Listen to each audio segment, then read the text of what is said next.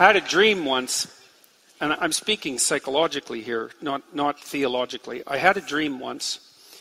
I was in the cemetery of an old church, an old cathedral, um, surrounded by the graves, and there were indentations in the grounds where all the graves were, and all of a sudden the, the graves started to open, and it was a graveyard where great people, great men of the past had been buried. And so, grave opened and a, an armed king stood up.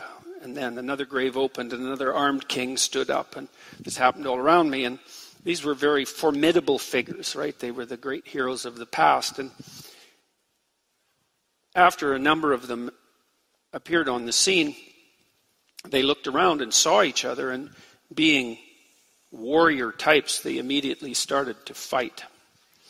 And the question is what stops the great kings of the past from fighting?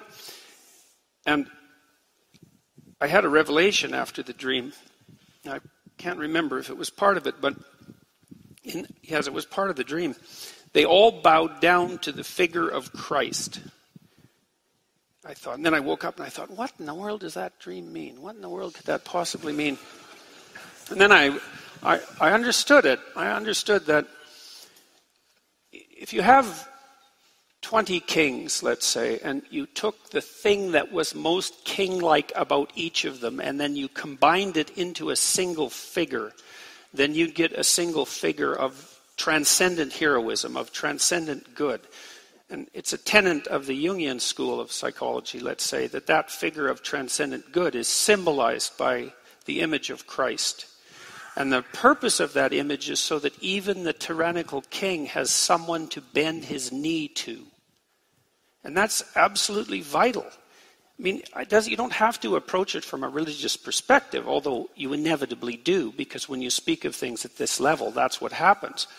But you need an image of the transcendent, embodied good to, to serve as something that unites the great tyrants of the past. It's something like that. It's an emergent it's an emergent vision of embodied unity. And it's a psychological necessity, it's a sociological necessity. And I think it bears very strongly on your question about why is it that people matter. It's the, the, the classic Western answer to that, the Judeo Christian answer to that, is because you have a spark of divinity within you, and that divinity is a reflection of this transcendent good and it's obligatory for me to recognize that in you and vice versa if we're going to inhabit the same territory without mayhem, peacefully, and with the ability to cooperate. Now, you might say, well, the mere fact that a transcendent image is necessary as a uniting figure doesn't prove the reality of that image. But I would say, well, yes, but it doesn't disprove it, and it strongly hints at something more profound, especially when you also ally it with the observation that the encounter with something truly admirable produces the instinct of awe.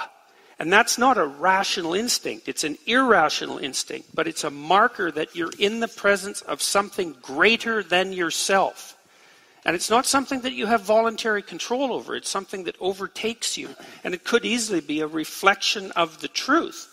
Now, you can make a biological you can make a biologically reductionistic argument about that, but it starts to become extraordinarily difficult because you, you, you enter into the realm where these transcendent experiences of religious significance and awe are a phenomenological and psychological reality. And it's not easy to explain why that's the case.